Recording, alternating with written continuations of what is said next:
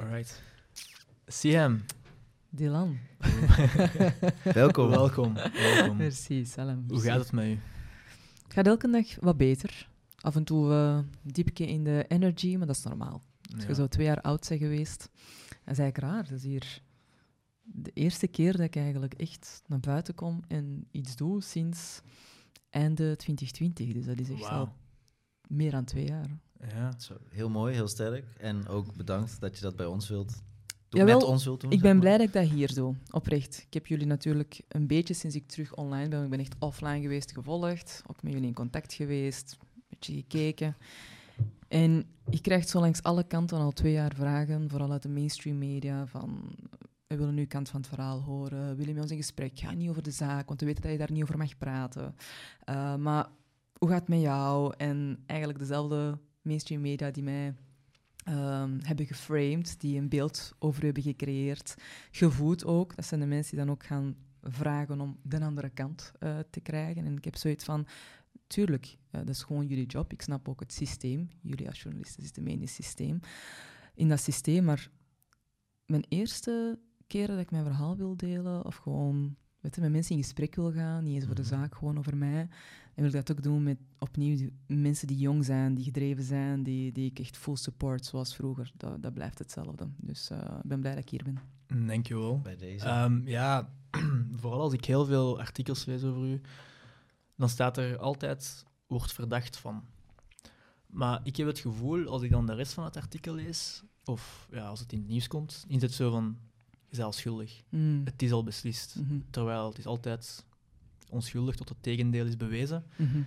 En dat is toch wel ja, frapperend, want we hebben dat nu al bij u gezien, -hmm. met Bart de Pauw al gezien.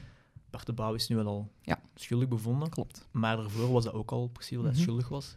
Um, dat moet toch echt wel pijn doen, hè? Uh, je gaat door verschillende fases. Ik bedoel, het is nu twee jaar. Ik sta er niet meer in zoals twee jaar geleden. Uh, die fases, dat is heel verschillend. Ik vind trouwens dat je het nog heel positief zegt, want onafhankelijke rapporten zeggen dat meer dan 60% van de berichtgeving niet vermeldt dat ik verdacht word of niet vermeldt dat er nog een onderzoek gaande is, maar gewoon eigenlijk al vrij hard zegt van, ze heeft dat gedaan. En dat zelf dan in te vullen. Uh, meer dan 60 procent. Ik bedoel, er is gewoon geen neutraliteit of objectiviteit of weinig. Ik moet genuanceerd spreken. Uh, ik moet eigenlijk niks. Uh, dat is gesproken. um, er zijn er die hun best doen om uh, correct te schrijven. Um, maar de meeste van de berichtgeving van de afgelopen twee jaar, of dat, dat nu echt kranten waren, audiovisueel, uiteraard sociale media, Twitter, uh, was meer dan 60% beschuldigend. Ja, uh, dus, uh... dus het moment dat dat naar buiten komt, of het moment dat er iets start, je, je gaat echt verschillende fases door. Ik, ik, ik, ik ben mij echt altijd beginnen afvragen van ja, hoe, hoe en vooral hoe zijn het tot dat punt gekomen dat het is ontstaan. Dat Ja. is een verhaal, dat is een puzzel dat je begint eh, samen te leggen als het wat helder wordt. Maar in het begin was dat gewoon echt totale aanval. En um, je hebt gewoon zoiets van, ik moet gaan liggen. Waar je normaal gezien als, als bokser, als kickbokser, terug gaat vechten. En zo die wedstrijd ingaat, wist je gewoon, ik moet, ik, dit is een andere wedstrijd. Ik moet gaan liggen, ook omdat je moet. En die fases dat je doorgaat, naar zo'n trial by media van maandenlang publieke vernedering. Uh, met als gevolg verwoesting van heel wat uh, mooie, impactvolle projecten die echt impact hadden voor jongeren, voor mensen te koer, voor de maatschappij. Um, dat was in het begin ja, de, de, de, de, de, verdediging. Dat hebben mensen ook gezien, hè, dat, dat, dat, ik met een video naar buiten kwam. Uh, om mij te verdedigen tegen dat bestuur dat, dat, mij eigenlijk voor de bus gooide. Um, een, persconferentie om dat eerste rapport te neutraliseren via onafhankelijke, onafhankelijke uh, stemmen. Maar dat bleef duren. Uh, en dan was dit en dan was dat. En op een gegeven moment had ik zoiets van, maar ik herken dit helemaal niet. Ik weet niet meer waar dit over gaat. Dit gaat niet meer over mij. Dat, ik, dit kan zelfs niet. En je kan het niet zeggen op dat moment, als je in een strafrechtelijk onderzoek zit, en dan moeten eigenlijk mensen weten, ik wist dat zelf niet, hè. dus dat is niet een bedweter gedaan, het is gewoon dat er zelf in zit. Je hebt verschillende fases. De eerste fase is geheim van het onderzoek. Je zwijgt. Je mag niet spreken. En dat onderzoek is nog gaande op dit moment. En dus dat aanvaarden dat je moet zwijgen, terwijl mensen zich mij dat kwalijk namen, hè, dat ik zweeg. En ik begrijp dat ook. Eh, omdat ik normaal altijd sprak. Hè. Eh, je kunt niet alleen spreken als het goed gaat, je moet ook spreken als het slecht gaat. Dat snap ik allemaal. Maar één, ik mocht niet. En twee, op een gegeven moment was die publieke vernedering zo heftig dat er heel veel... Ik ben echt gepusht tot, tot eh, mijn limieten. Heel veel pijn, heel veel angst. En je maakt echt een bocht van ontkenning, verdediging. Je wordt boos, rancuneus. Naar, ja, ik, ik ga moeten gaan liggen. Ik ga ehm, moeten introspectie doen. Ik ga afstand pakken. Ik ga naar de diepte. Ik ga naar de kern. Je gaat voor verheldering. En dan pas kun je terug beginnen rechtstaan. En die heling, ja, dat duurt gewoon lang. En ondertussen heb je je zo kapot geschaamd voor dingen waarvan je weet dat je ze echt niet hebt gedaan. En je mocht dat niet zeggen. Nog niet concreet zeggen wat je dan niet hebt gedaan. Hè. Ehm, dat je zelf niet meer met jezelf kunt leven. Gewoon, dat is te heftig geweest. En eh, je komt op een kruispunt van... ehm, ja, een kruispunt, er is geen midden. Het kruispunt is, ofwel geef het op, ofwel staat je terug recht. Dat terug recht staan, dat gaat traag. Dat is eh, heel veel traumaverwerking. Dat is eh, elke twee weken bij een dokter.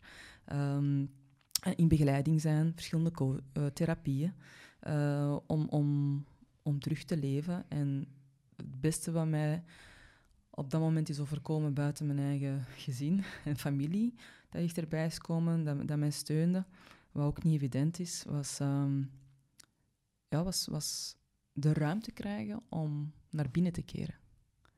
Je beseft gewoon dat je, toen was ik 34, nu 36, dat je heel hard met die buitenkant bent bezig geweest. Met de resultaten, Mhm. presteren, erkenning. Wat willen mensen? Wat vinden mensen goed? En erkenning is niet alleen een gesprek met mensen die zeggen, hey, goed bezig, of ik vind het goed dat je dat doet, zeg, ik heb een probleem, kun je helpen? Tja, tja, tja. Nee, dat, is- dat zijn likes. Hè. Dat zijn likes en comments en en- engagement. Jullie weten ook hoe dat werkt. Mm, Algoritmes, als je niet engaged, als je niet het beter doet, dat is met projecten ook.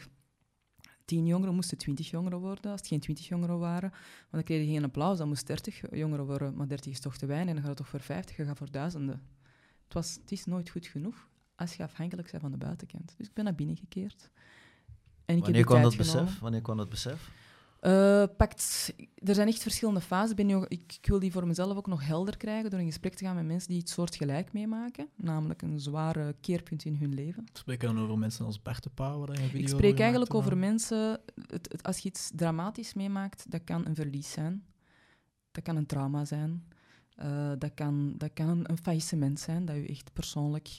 Dat kan van alles zijn. Dus we spreken niet echt over personen die wat meegemaakt hebben in de media, wat dat jij hebt meegemaakt. Nee, dit gaat echt veel verder voor mij. Dit gaat echt... De want dan ben ik terug met de buitenkant bezig. Ik heb het echt over meestal mensen die succesvol waren in hun carrière of op hun pad, wat dan nu sport was, ondernemen, ehm, weet ik veel, directeur van een school, het maakt niet uit. High- meestal wel high-performance people, die door iets in hun leven gewoon hun wereld instort.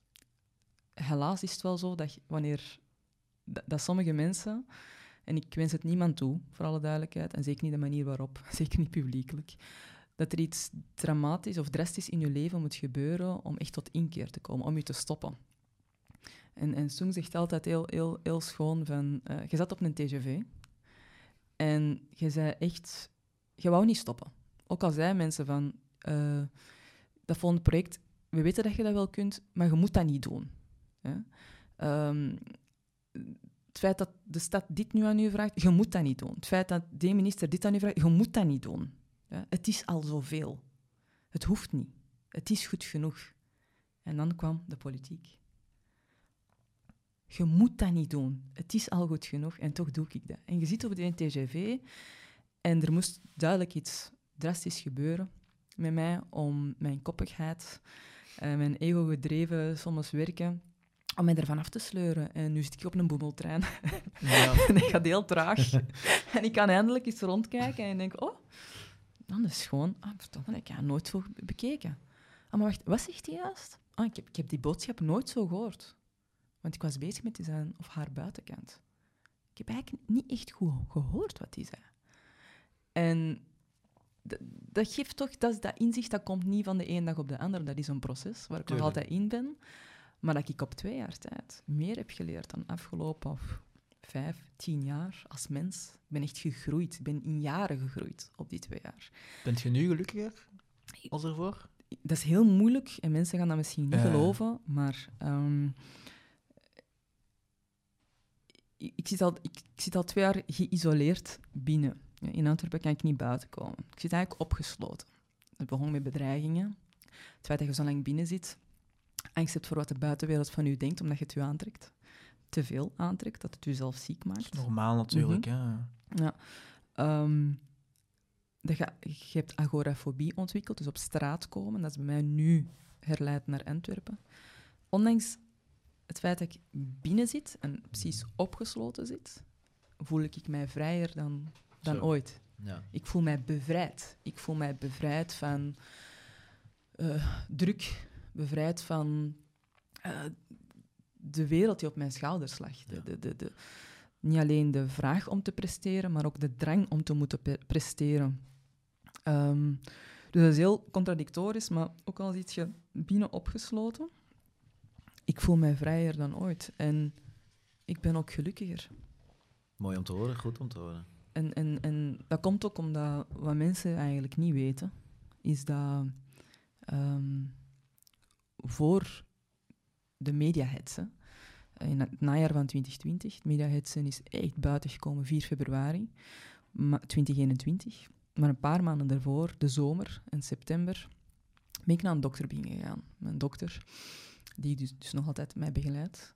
En ik, ik voelde mij leeg. Ik voelde mij gewoon niet goed in mijn vel. Ik, ik begon te wankelen, letterlijk. Evenwichtstoornissen. En ik had zoiets van, maar de resultaten zijn er. Het gaat eigenlijk goed. Ehm, ik, ik, ik, ik, eh, alles wat ik doe, die vooruitwendiging of dat, dat, van onrecht daar te- tegen strijden, op dat politieke, laten we zeggen, eh, in dat politiek systeem, als parlementariër dan, ehm, daar was ik eigenlijk wel goed in. Ik was dat aan het doen. En toch voelde ik mij zo leeg. Ik was aan het wankelen, dus dan, dan zit er iets niet goed. En dan beseft je eigenlijk dat je aan het, vallen bent in een put, omdat het meest essentiële niet goed zit. Uw werk aan de buitenkant kan nog zo... Dat is belangrijk, hè? Werk, purpose, doen wat je graag doet, omdat je dat graag doet. Maar die buitenkant, dat is... eh, dat is niet zo belangrijk als de binnenkant. En de binnenkant is essentieel, dat is fundamenteel en dat, is, ehm, dat zijn de mensen waar je echt om geeft. Dat is je liefde, je, je gezin. Echt, de echte mensen waar je mee wilt, wilt huilen en mee wilt feesten. Daarin, dat was voor mij, dat zat niet goed. Ik zat dus ook niet lekker in mijn vel.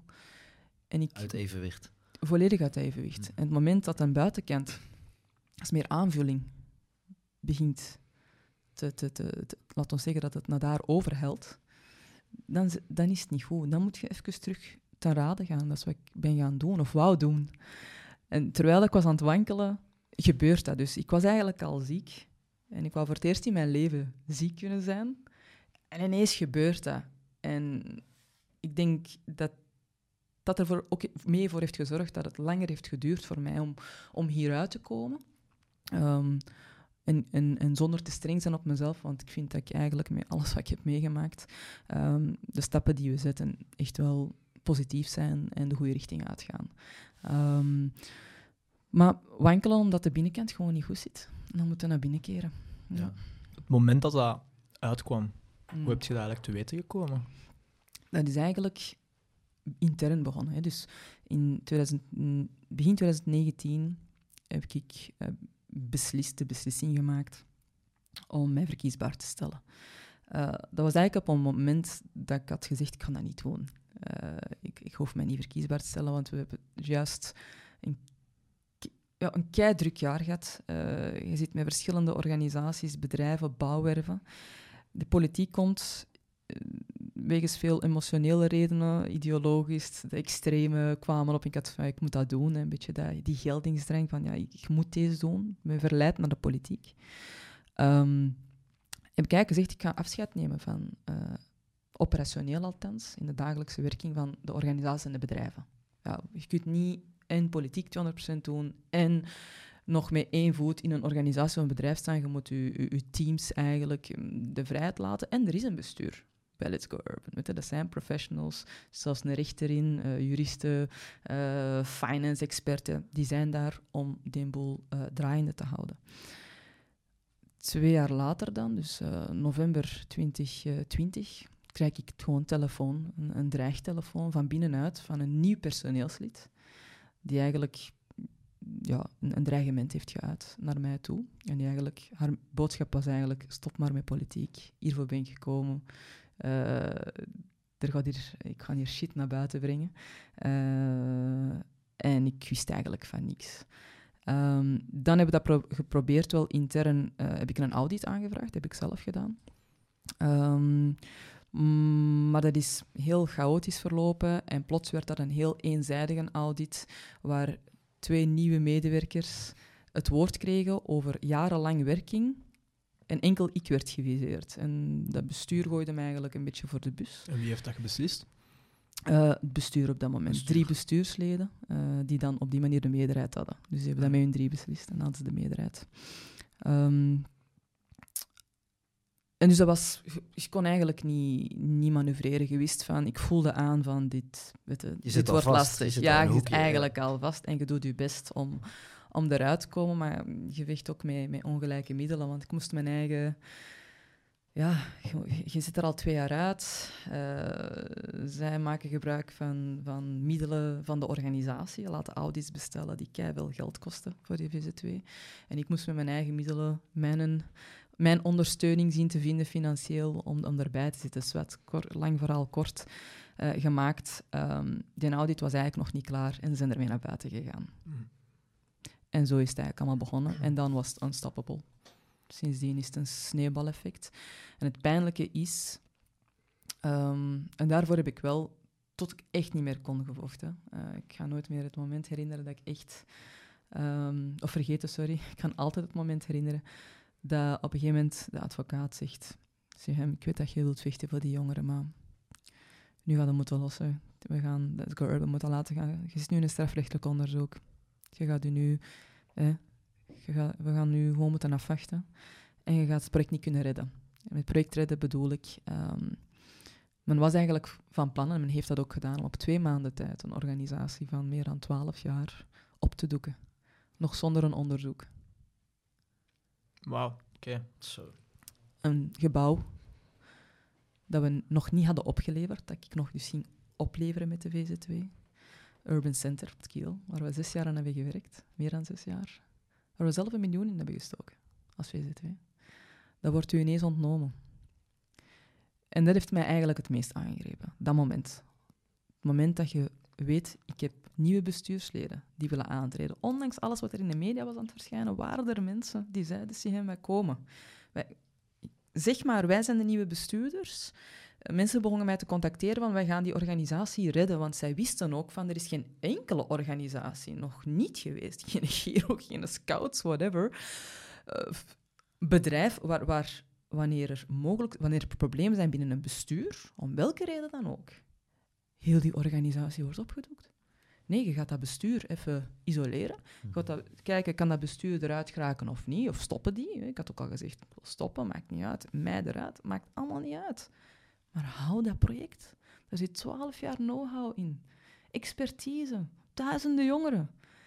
Het gebouw is bijna opgeleverd. Allee, vertraging door COVID, zoals alles. Bijna een huis, 3000 vierkante meter voor de jongeren kunt hen dat niet ontnemen. Twee maanden tijd. Alsof het nooit heeft bestaan. Het was je passion project. Het was absoluut... Het was... Uh, Misschien nog mild uitgedrukt zelfs. Het schoonste dat ik ooit heb gedaan. Allee, zo, en ze hebben dat project stopgezet, de werking, waardoor nieuwe generaties daar niet meer terecht kunnen. Um, een gebouw dat echt gemaakt was op de vraag van de jongeren van voornamelijk Let's Go Urban natuurlijk, of de ruimtes waren zo ingericht, de, de, de, de, de, de, ja, de invulling, hè, welke ruimte waar voor welk aanbod geschikt was. Dat was echt wel op maat van ja, die, die duizenden jongeren natuurlijk. Ja, dan heb je een gebouw gezet voor 4,5 miljoen, waar de stad 3,5 voor heeft betaald. Wij een miljoen hebben opgehaald. En ja, dan staat dat lang leeg.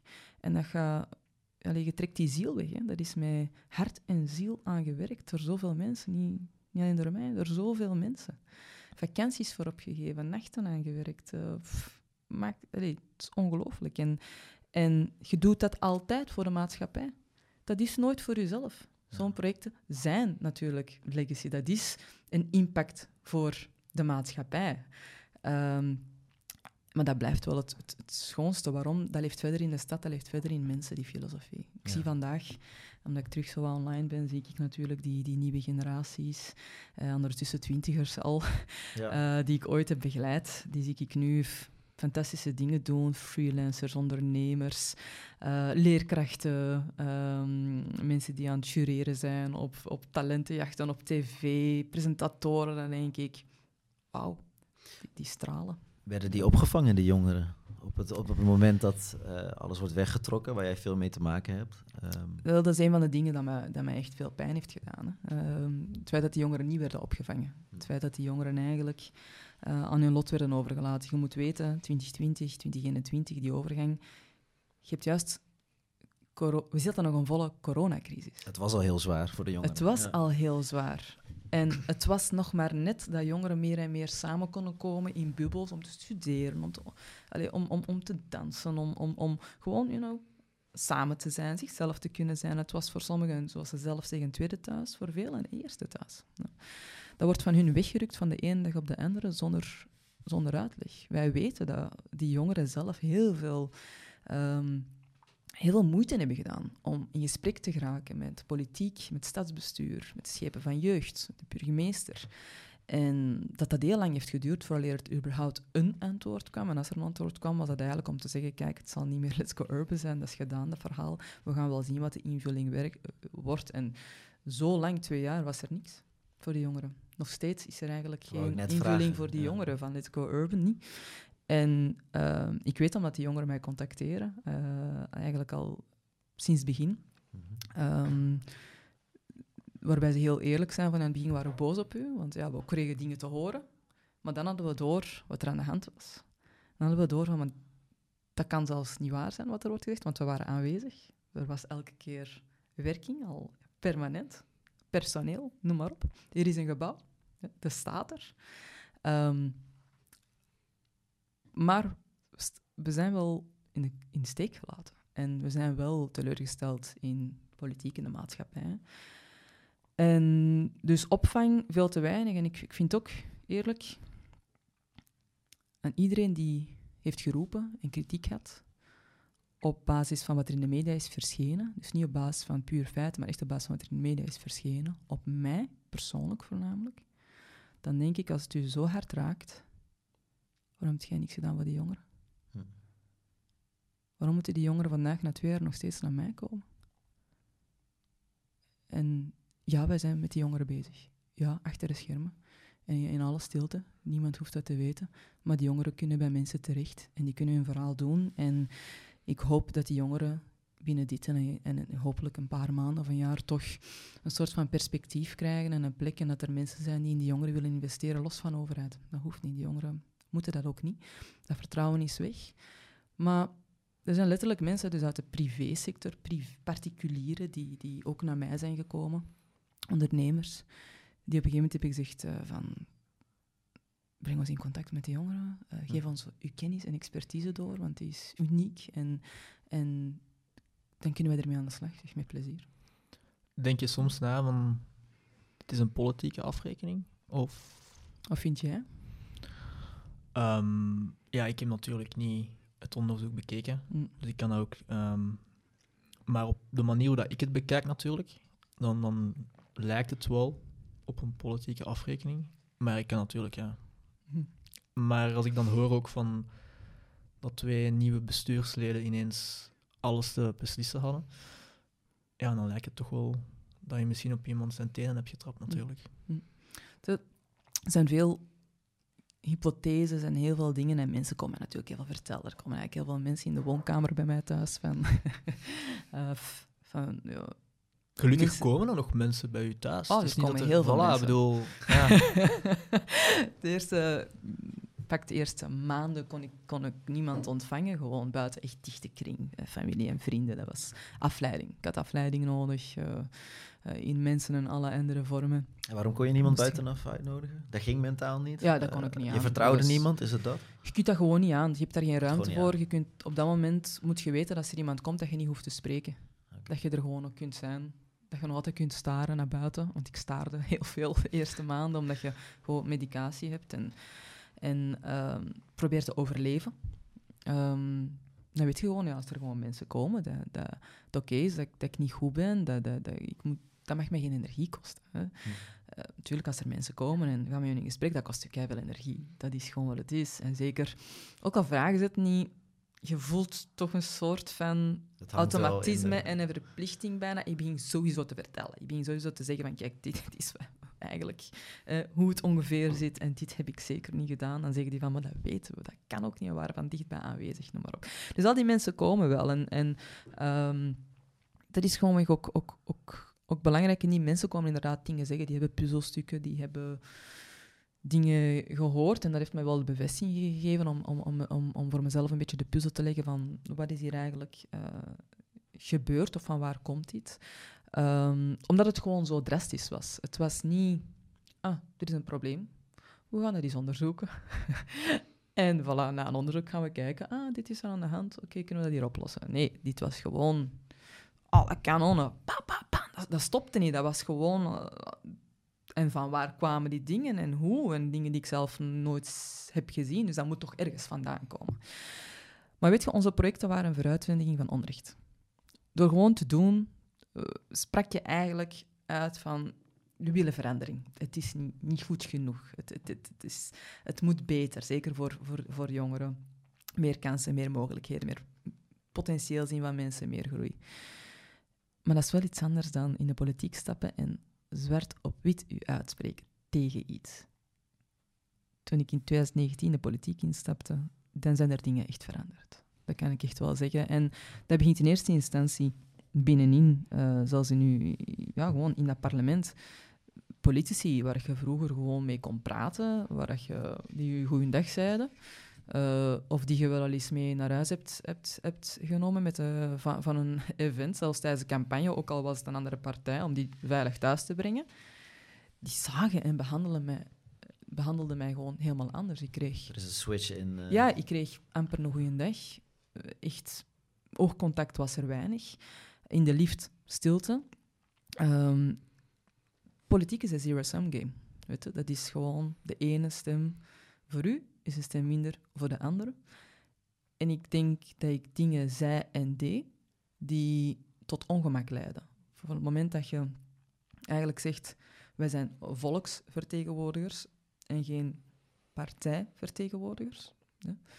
Je legt eet af naar het volk, niet naar een partij. Dus je moet af en toe stemmen volgens de beloftes die je hebt gemaakt of waar je voor staat voor je kiezers. Daar heb ik gewoon wat dingen een beetje door elkaar geschud, mensen ongemakkelijk gemaakt, maar ook echt wel vijanden gemaakt. hè. Ik heb Niet er geen vrienden mee gemaakt. Ja, niet in het gareel van wat wij normaal zijn gaan vinden. Namelijk dat mensen die democratisch verkozen zijn, eigenlijk herleid worden van, door, tot stemmachines. ehm, gedicteerd door partijvoorzitters. Eh, allee, dat is niet wa- wat mensen van u verwachten. En dat klinkt dan van, ja, maar ja, een partij, dat moet, moet toch marcheren? Absoluut, zeker en vast. Maar iedereen stapt met een bepaalde eh, missie de politiek in, vanuit een bepaalde, laten we zeggen, met een rugzak, met een bepaalde ja. kennis. Je staat ergens voor. Voor de ene is dat meer groene thema, de andere Mhm. de landbouw en visserij. eh anderen komen op voor onderwijs, eh, eh, samenleving. En, en je kunt niet verwachten dat net op uw thema, in uw expertise, dat je tegenovergestelde gaat doen van waar je voor staat. Dat wringt. En er is gewoon heel weinig ruimte om daarin te bougeren, om te bewegen. En dat is jammer. Ehm, maar dat is niet hoe ik aan daar wil ik niet aan meedoen, daar kan ik niet aan meedoen. Dus dat, het feit dat je op die manier... Ik had ook nog geen fundament, hè. Ik was pas in de politiek en misschien is dat wel interessant. Mensen door de zaak kennen mij als politica. Maar ik heb eerst 15 jaar ondernomen, organisaties opgericht, dingen gedaan. Dan ben ik de politiek ingestapt. Ik was nog maar anderhalf jaar in de politiek toen dit gebeurde. En dus wat mensen vandaag denken die sowieso de politiek wantrouwen, het is op de tien is, hè. Wantrouwen, die, moeten eigenlijk, die vertrouwen de politiek er niet. Die vinden politiek, hè, om het nu even maar kort door de bocht te zeggen, graaiers hè, Mhm. te pakken. Om het ook weer al kort door de bocht te zeggen. Dingen waar ik tegen in opstand kwam, daarvan heeft men mij naar voren geschoven als het voorbeeld. Omdat men ervan heeft gemaakt dat ik als politica mogelijk fouten heb gemaakt. Nu, dat schepje er bovenop, bovenop een crisis van vertrouwen binnen de politiek, dat was voor mij nog meer verwoestend natuurlijk. Dan heb je al helemaal een vertekend beeld. Ja. Forget it. Want uiteraard moeten wij, politici, een nog een hogere vorm van integriteit tonen. Dat klopt, ben, ik- ben ik het mee eens. Maar wat mensen vergeten is wat je in de politiek hebt gedaan. Eigenlijk vergeten mensen sowieso wat je hebt gedaan. De projecten die je hebt gerealiseerd, of de impact die er was, de gebouwen dat je hebt neergezet voor de maatschappij, dat is weg. Dat, enkel de mensen die het hebben meegemaakt, die, die, die dat echt hebben ervaren, die praten er nog over. Die zeggen van, maar dat heeft zoveel voor ons betekend. Oké, dat, dat is dat. Maar dat is eigenlijk weggevaagd. Mensen her- herinneren zich eigenlijk het laatste. En als dat slecht is, is dat slecht en ik heb dat moeten aanvaarden. Dat is zo. Politiek ook. Ik heb mee het onderhandeld. Ik heb er dingen uitgehaald die absoluut niet door de beugel kan, die mensen nog altijd als tweederangsburgers zal blijven behandelen. Of dat nu de bakker is, of dat nu een persoon met andere roots, of dat nu iemand, eh, een meisje is met migratieroots die altijd een BSO-advies zal krijgen. Iemand die inderdaad niet vooruit geraakt terwijl hij is aan het werken, iemand die inderdaad niet tevreden is met, met zijn of haar pensioen. Weet dat zijn de mensen die terecht eh, boos zijn. Maar dat regeerakkoord onderhandelen was één in de zomerscholen. Zorgen dat kinderen in de zomer extra eh, een taalbad krijgen op een speelse manier. Dat heb ik gerealiseerd. Praktijktoetsen. Ook al heeft, heeft men nadien ja, een, een, een, een flauwe versie ervan gemaakt. Het staat op de maatschappelijke agenda. En heeft mij heel veel gekost, gewoon ook als mens, om dat, daarvoor te vechten. Want ik heb echt klappen ontvangen langs alle kanten. En ik heb ook zowel fouten gemaakt als op een gegeven moment moed kunnen tonen. Maar dat heeft heel veel littekens uiteraard nagelaten. Ja, ik had niet dat fundament om zoiets stevigs te doen, maar we hebben dat gedaan. En gewoon door aan, op een bepaalde manier aan politiek te doen, gewoon te laten zien dat je dat mensen willen dat je anders aan politiek doet. Dat je de dingen die je zegt, dat je die ook gewoon probeert na te komen. En als je die niet nakomt, dat probeert uit te leggen waarom dat je er niet uitlegt. En ehm, dus voor mij, het feit dat, dat men altijd focust op het laatste, is, is ook een les voor mij. Is ehm, een beetje meer relativeren. De dingen wat lichter pakken. Ik heb te serieus geleefd. Je kunt het ook niet anders niet meer, natuurlijk. Als je, zo, als je zo hard bent afgemaakt geweest, dan is niks nog echt serieus. Hè? Buiten je familie en je vrienden. Wel, je relativeert gewoon beter. Want eigenlijk zi- zijn er heel veel dingen nog serieus. Bedoel, de zorgen van de mensen zijn serieus. Maar ik relativeer gewoon mijn eigen belang. Waar ik vroeger vanuit een soort geldingsstreng, eh, noem het een messiascomplex, zegt ik kan de wereld veranderen, ik kan dat hier eens fixen. Eh, ben je nu toch iets meer eh, nederig of zo? En Ja. heb je zoiets van, weet je, ik kan dat proberen. Mhm. Misschien gaat dat lukken, misschien niet. Maar het is een realisatie. En, en dat zei jij niet. En vroeger waren mijn verwezenlijkingen of successen, maar dat was één op één zie hem. Maar dat maakt dat als je fouten maakt, of als je Ja. faalt, dat je ook één op één doet. Je verpersoonlijkt je met succes en Je neemt het falen. nog zwaarder. Je neemt dat allemaal jezelf, zwaar, ja. waardoor het dat eigenlijk allemaal heel zwaar weegt. Precies. En dat van u kunnen afschudden, dat is een bevrijding. Als ik dingen die ik nu ga doen, is één, omdat ik vind, omdat ik ze wil doen, omdat ik denk dat dat goed is om te doen. En niet per se omdat andere mensen vinden dat dat goed is om te doen en dus dat ik dat moet doen. Dat is een heel groot verschil. En dat is ook een bevrijding. Het feit dat ik het niet meer doe omwille van de erkenning of dat anderen het van mij verwachten, maar dat ik het echt intrinsiek zelf wil doen, dat is iets dat, dat ik er ook uit heb gehaald. En het een uh, beetje zelfrelativering. Het, uh, het moment dat, dat, alles zo serieus wordt genomen en je zegt je bent kapot gemaakt, eerlijk, ik heb dat heel lang gezegd. Ze hebben mij kapot gemaakt, ze haten mij. Mm -hmm. Maar ze hebben mij niet kapot gemaakt. Heb je... Het enige dat ze kapot hebben gemaakt is uh, misschien mijn ego. Ja. en misschien is dat goed. Ego een beetje gekrenkt, maar dat is Ja, ook goed misschien. En dat is misschien goed dat dat een beetje... Hè? Maar voor de rest, ik zit hier nog. Heb je ooit gedacht van... Ik bedoel, het is genoeg geweest, ik kan het niet meer aan? Of En dan is dat kruispunt. hè, zijn die gedachten zit. Je, in je hoofd geslopen? je, krijgt- je krijgt donkere gedachten. Dat is iets waar je nu over kunt praten. Je kunt daar nu pas over praten. Eh dat heeft heel veel begeleiding nodig gehad. En eh, eh, dat is niet iets waar je makkelijk over spreekt. Ehm, maar ik weet wel dat ik niet meer terug naar dat punt kan gaan. Weet je, de-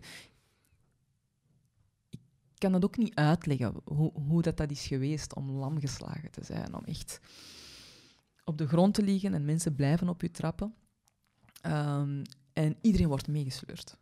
Eh, Mm. Gezien, je familie, eh, continu mensen voor de deur, eh, inge- in- in- ingeslagen ruiten, rattenvergif, bedreigingen. ehm, Het ging heel ver. de ene kleinerende boodschap na de andere, rotte fruitmanden voor de deur, uw ouders die letterlijk hondenshit in hun brievenbus krijgen elke week. Dat is, het is heel ver gegaan. Ik bedoel, ik denk dat dit de enige zaak is, ook waar gewoon heel de familie, ganse gezinsleden, familieleden, en familie van gezinsleden en neven en nichten minderjarig in de media kwamen. Dat mijn familie moest optreden en zeggen tegen de pers van hallo, jullie laten gewoon kinderen, foto's van kinderen zien. Wat hebben die hiermee te maken? Zover is het gegaan. En je kunt je afvragen hoe ver dat wij zijn gegaan als maatschappij dat we dat toelaten. Heel ver natuurlijk, hè. Dat, dat is iets wat, wat mij, voor mij nog niet duidelijk is. Hoe, hoe dat, dat is, is gegaan. Hoe dat het kan dat, dat er geen onderzoeksjournalistiek is. Punt. Ja. Er stond ook niemand achter u, hè. Ik denk dat er geen enkele Publiekelijk journalist... niet. Ja, ja, publiekelijk Ja, niet. Heb je ooit... niet. Heb je, eh, heeft er iemand van uw partij ooit opgebeld om te zeggen van... Hey, Siam, ja... In het begin wel. Is goed? Of- In het begin wel, natuurlijk. In het begin hebben heel veel mensen contact opgenomen, maar op een gegeven moment krijgen die ook maar een tuut, Mm, En is het ook gewoon stil aan mijn kant, omdat ik oprecht niet kon. Mhm. Ehm, maar mensen die mij zijn blijven sturen of over de vloer kwamen, dat ga ik nooit meer vergeten. Weinig hoor, in de politiek, voor alle Ja. duidelijkheid. Heel weinig. van andere partijen? Of... Ook van andere Ook van partijen. andere partijen. Absoluut. Ja. Oké. Eh, zeker. Eh, dus eh, weinig, maar ze zijn er. En dat is vaak gewoon moedig, moet je het bijna noemen, terwijl het normaal moet zijn. Ehm, voor, ik vind dat normaal dat wanneer iemand, als je ziet dat er iemand door een moeilijke periode gaat, whatever it is, dat je even contact opneemt, gewoon zegt weet je, take care, zorg goed voor jezelf. En sommigen hebben dat gewoon systematisch om de zoveel weken of maanden, gewoon een berichtje. Doe veel. Dat is ja, Ongelooflijk dat dat helpt, hè, zoiets. niet uit te leggen Ja. hoeveel dat, dat helpt. En dat is terug die binnenkant, terug van ah, wat is essentieel, dan wat is heb fundamenteel. je ook een beetje een besef van dat iemand toch om je geeft, weet je wel. Zeker in die situatie wanneer je denkt dat heel de wereld tegenover jou staat. Exact. En in het begin was er ook die boosheid van, allee, waar, waar blijven de, de activisten?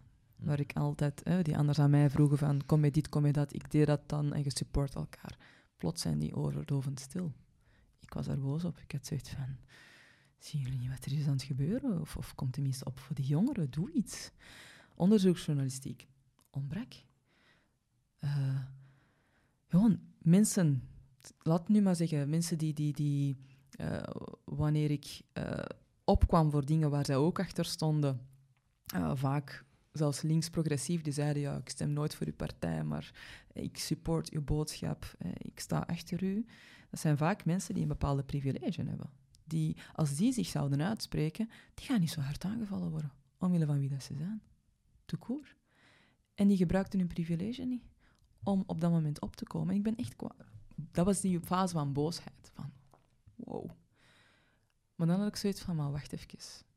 Die gaan gewoon meegesleurd worden. Ik kan dat niet van die mensen verwachten om zo meegesleurd te worden in zo'n haatpropaganda dat er is geweest. Want de mensen die wel voor mij opkwamen publiekelijk, die moesten gewoon voor hun eigen mentale gezondheid deleten of gewoon even offline gaan, omdat die zoveel dingen over zich heen kregen. Dus ik heb daar alle begrip voor. Iedereen werd gewoon geviseerd. Die Op het moment dat je voor mij opkwam, werd je geviseerd. Nu voel ik dat dat wat is gaan liggen. En dat mensen terug spreken en zich durven uitspreken. Maar op dat moment, toen ik het verwachtte en ook nodig had, uh, um, was dat er niet. En ergens is dat ook logisch, want al de projecten die ik deed en uh, de dingen waar ik over sprak in de politiek, hè, kwam je op voor mensen die een stem nodig hadden, voor ook mensen die kwetsbaar zijn. Ja,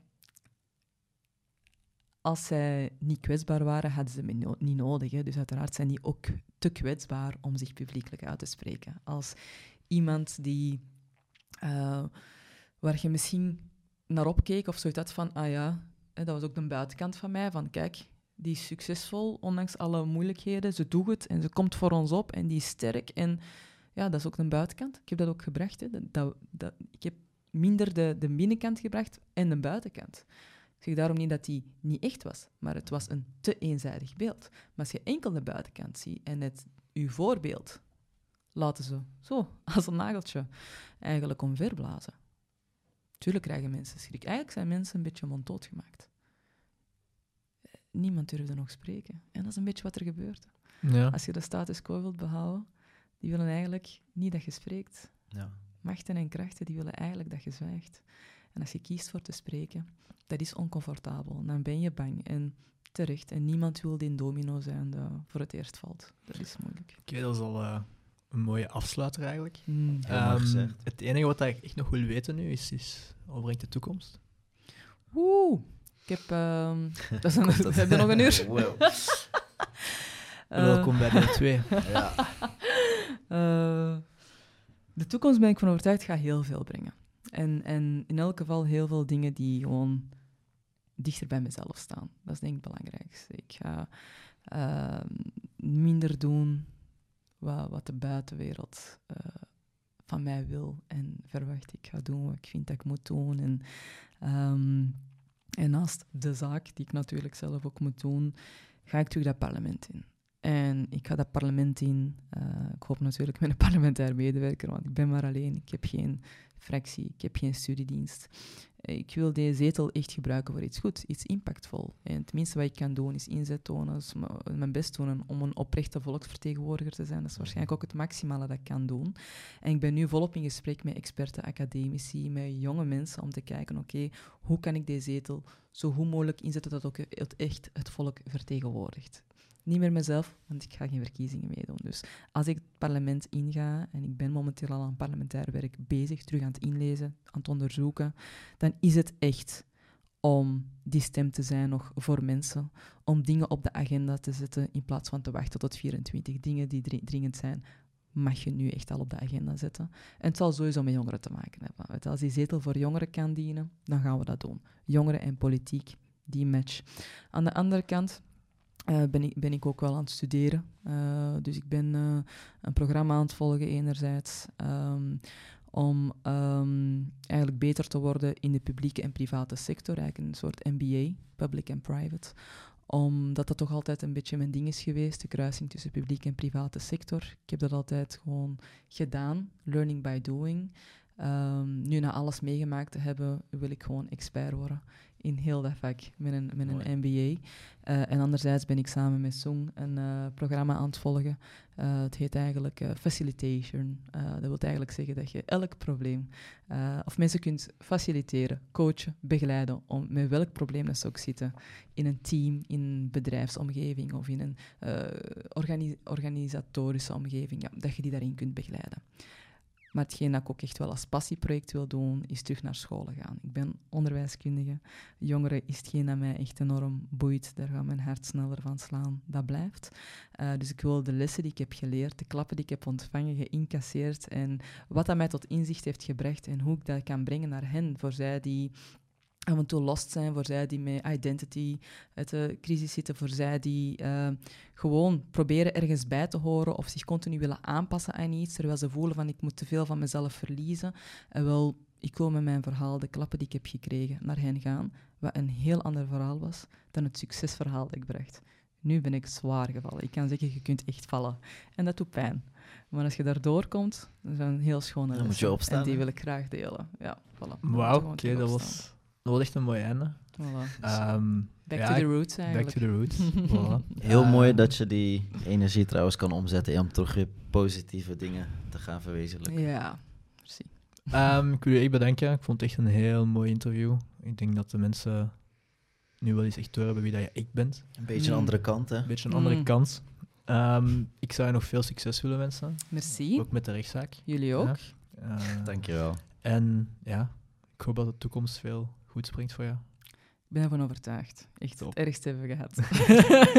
Mooi.